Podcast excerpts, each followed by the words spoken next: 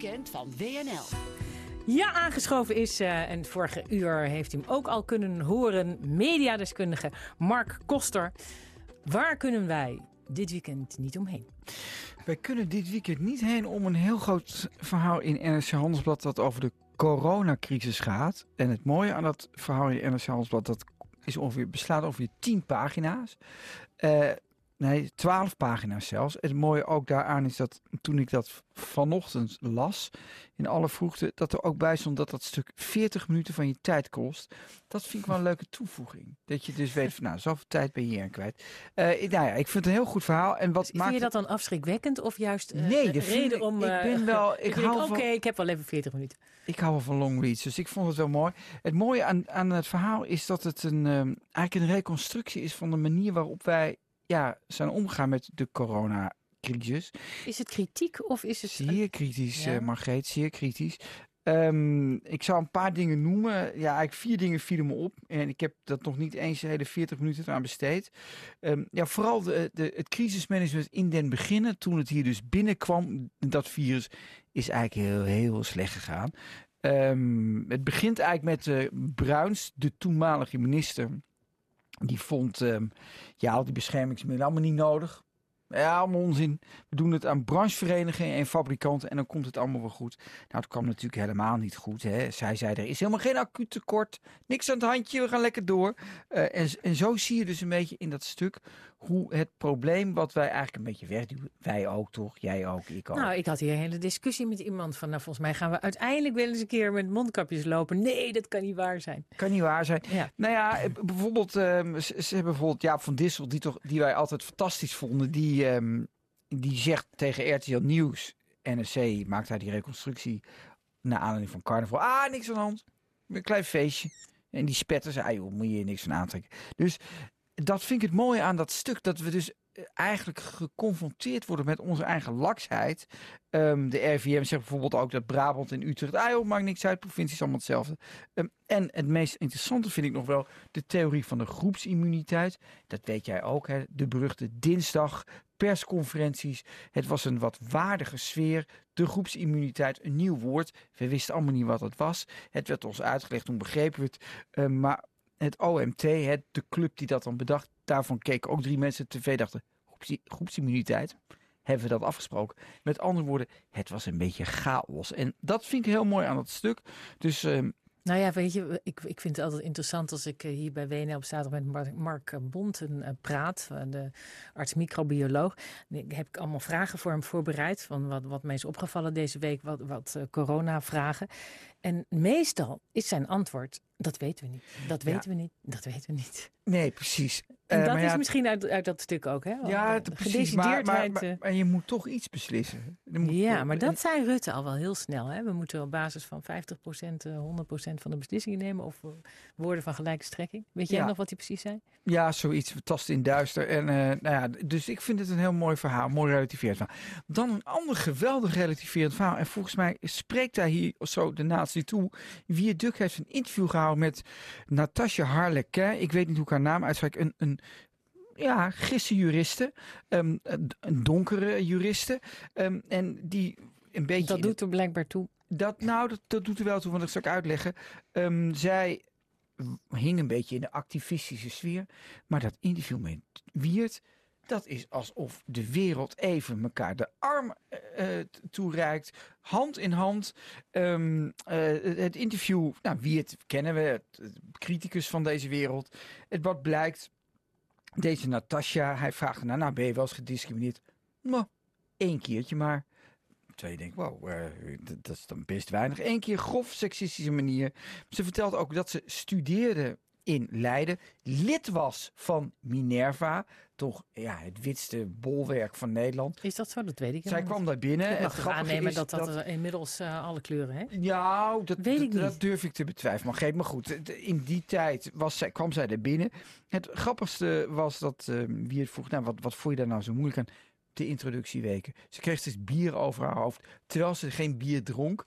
Dus dat is een soort ontgroening dan, ja, onder wat mij betreft, een, toch een wereld waar je als Ja, maar ik ben er nooit bij geweest. Jij ook niet. Wij dachten, wat moet je daar? Dus dat je daar dan ook nog voor kiest om daar dan bij te gaan, Dat vond ik mooi. wel eh, goed. En dan weet je waar, waar je het over hebt, Dan toch? weet je waar je het over hebt. En het allermooiste vind ik nog dat ze eigenlijk de hele activistische vleugel die nu bij Black Lives Matter hoort, dat ze daar toch wat afstand van neemt. Er zijn toch het is- heel veel mensen die daar eh, niet... eh, Ja, maar ik dacht dat zij daar wel toe behoorde. Maar ze zegt als Mark Rutte zijn standpunt over Zwarte Piet verandert, maar erbij zegt dat hij Zwarte Piet niet racistisch vindt, is dat voor activisten als Aquasi niet voldoende. Daarmee eh, zegt zij volgens mij dat ze het er niet mee eens is. Ik denk, ik vind het heel wat dat Rutte zijn mening bijstelt. De generatie die nu zo fel is, is veel jonger dan ik. Misschien is het niet zo gek dat zij in die fase zitten. En nogmaals, ik deel hun negatieve ervaringen niet. Voor mij is de samenleving goed geweest.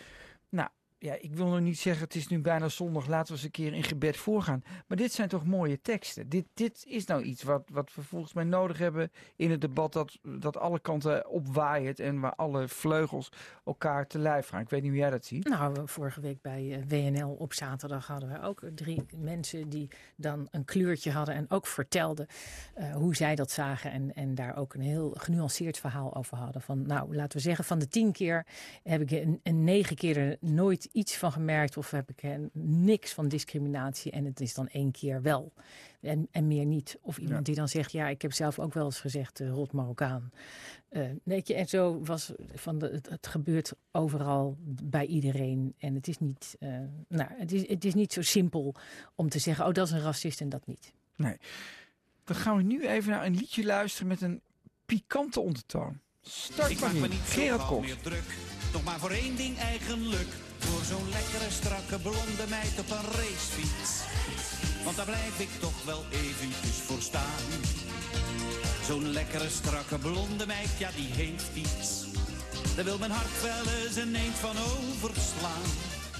Van, Ja. Is dit uitgebracht? Dit is, nou, dit is in de jaren 70 Ik wou uitgebracht. zeggen, dat kan toch niet heel Nee, nou, dat, daarom staat, ik, ik denk van, ik ga maar Geet het even laten Ja. horen. Waarom laat ik je dit horen? Eh Gerard Cox wordt vandaag geïnterviewd in De Telegraaf. En het gaat natuurlijk over dit, dit soort satirische dingen. Ook dit nummer wordt daarin genoemd als zijnde. Was het satire toen? Nou ja, Of was het gewoon de campingtekst die eh, mensen gewoon gezellig vonden op de radio? Ik, denk het laatste. Eh, eh, maar Gerard Cox gaat daar dus helemaal op in. En die vindt dus. eh, Ja, die is heel boos dat allerlei dingen nu niet meer gezegd mogen. Ik vind het absurd gelul dat zulke satire niet meer zou mogen. Hij doelt op dit, maar hij doelt ook op Fawlty Towers. Je moet alles kunnen zeggen. Er wordt gezegd dat het voortschrijdend inzicht is. Ik denk het is voortschrijdende vertrutting. Het gouden voorbeeld betreft Wim Kan. En dit moet ik even vertellen. Wim Kan, ken jij nog jouw ouders? Mijn ouders keken ontzettend. Ja, was een beetje een tuthola toch? Dat was nou, al- vond ik niet, maar mijn ouders vonden hem geweldig, dus dat vond ik dan ook maar. En ik keek mee, maar dat terzijde, ga door. Nou goed, maar dat was niet een hele activistische man, Wim Kan, toch? Het was niet een man die nou harde grappen maakte. Het was altijd een beetje hallo, hallo, woordgrapje, dingetje. Nou, dingetje. bij, in de huiskamer was het wel eens. Oh, oh, oh, oh. Ja, maar het was allemaal in het net, hè? Ja, maar, weet ik. Maar wat wil je zeggen? Nou, ik- wat ik wil zeggen is dat Gerrit Cox die haalt, en dat vind ik wel heel leuk aan hem, die zegt van ja, grappen die vroeger gemaakt werden, moet je dan nu niet, niet gaan duiden in onze tijd. En ik ga even een grapje van Wim Kan herhalen. Wim Kan, Oudjesavond, ehm, maakt een grap over Nieuw-Guinea. Daar mochten mensen stemmen. Nieuw-Guinea was ooit van Nederland. En toen zei Kan, dus dan moeten de Papua's gaan stemmen. Hoe kan dat nou? Nou, dan komt de oh, oh, Dan moeten we ze eerst vangen. Kijk, dat zijn grappen die natuurlijk ah, volkomen indis of fout zijn, racistisch zijn. Alsof die mensen alleen met bordjes door hun neu- neus lopen. Dus dat is een dat, Vooral dommig. Ja. vooral heel dommig. Ja. Maar daar is toen verder niemand die daarover viel. Nee. Het was een, en, en, en hij zegt, ja, het was toen een goede grap. En Gerard Kok zegt dus, alle humor is gestoeld op relativering. Ik weet niet of dat helemaal zo is.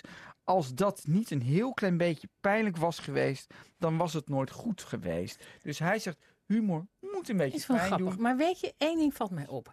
Ik heb een, een puberdochter, dus eh, er zijn heel veel pubers en die luisteren dan naar liedjes. En als ik dan naar die teksten luister, dan denk ik, zo zeg, echt, echt alleen maar hele grove teksten. En dan zie ik op TikTok uh, pubermeisjes daarop dansen. Als je dat vertaalt, dat is mega seksistisch eigenlijk. Maar zij vallen daar helemaal niet over. Zij vinden dat gewoon grappig. Leuk. En dat is echt van hier en nu. Maar, maar, maar waarom? Uh, wat, ja, ik vind het goed dat je het op. op ik bedoel, uh, orale seks. Het is echt van een uh, heel kleine. Als je luister nou eens naar die teksten. Dat is veel, vele malen gaat dat verder dan dat hele liedje van, van hem. En dat is gewoon in deze tijd. Daar valt helemaal niemand over. Want dat is gewoon niet zo'n issue. Omdat het is gewoon wat het is. En ze maken zich daar niet druk om. Maar ik denk dat als feministen dat serieus zouden nemen. En daadwerkelijk zouden al die nummers verboden moeten worden. Nou, daar moet je ook niet aan denken, toch? Maar is jouw dochter dan wel Black Lives Matters? Nou, dat vindt ze heel terecht. Zeker. Dat, dus vindt, dat vindt ze, wel heel terecht. Dat vindt ze heel terecht. Maar seksisme en, uh, en liedjes over uh, girls om maar dik of zo, vindt ze prima. Vindt ze helemaal niks mis mee. Nee. Vindt ze niks mis mee? Nee, dat, maar, nou, maar, ze... dat is de... Ach, mama, niet zeuren, joh. Maar vindt ze dan wel een, een grap van zo'n Johan Derksen, hè, waar nou de ganse natie van in paniek dat Wat vindt ze daar nou van? Daar ben ik dan wel benieuwd naar. Hoe ziet zij ze dat snapt dan? dat uh, Zwarte Piet uh, kwetsend is, maar zij, zij ziet dat dat uh, vaak door juist hele lieve mannen gespeeld wordt. Dat dat juist hele lieve mannen zijn. Dus zij, die, die, die kindervriend zijn. Dat ziet zij ook. Dus ze vinden eigenlijk onzin om, om uit het straatbeeld te, te halen. Nee, nee, nee. Want ze vindt, het, ze vindt het nog veel erger dat, dat, dat kinderen, vooral zwarte, jonge kinderen, zich daar gekwetst door voelen. Vindt ze nog veel erger. Oh. Dus dat vindt ze terecht. Ja. Ik vind, ik vind het allemaal zo genuanceerd. Je ja, moet maar heel, heel, heel... voelen ze zo. Ja. Zeg gewoon empathisch, Mark. Ja, dat moet ik dan ook maar eens worden. Um, dan een twee empathische interview van de virologen des vaderlands. We hebben Marion Koopmans, volgens mij bij WNL, vaak uh, Zeker. opgevoerd. Het mooie aan um, de, de, deze twee interviews is dat deze mensen zijn nu een beetje naar de achtergrond geraakt. Hè? Minder bij de, op de talkshows, want het virus is een beetje onder controle. En wat leuk is, ze kijken een beetje terug op hun 15 Minutes of Fame. Nou, dat hebben ze best van genoten. Uh, Koopman zegt bijvoorbeeld ook dat, dat zij nog steeds een taakje hebben. We moeten er wel op letten. Het is nu een uitdaging voor de wetenschappers om ons hiermee te bemoeien. En zij vergelijkt zichzelf met de dijkbewakers uit de jaren 50. Mooi. Dat vindt ze mooi. Leuke interviews. Dank, Mark Oosterhuis.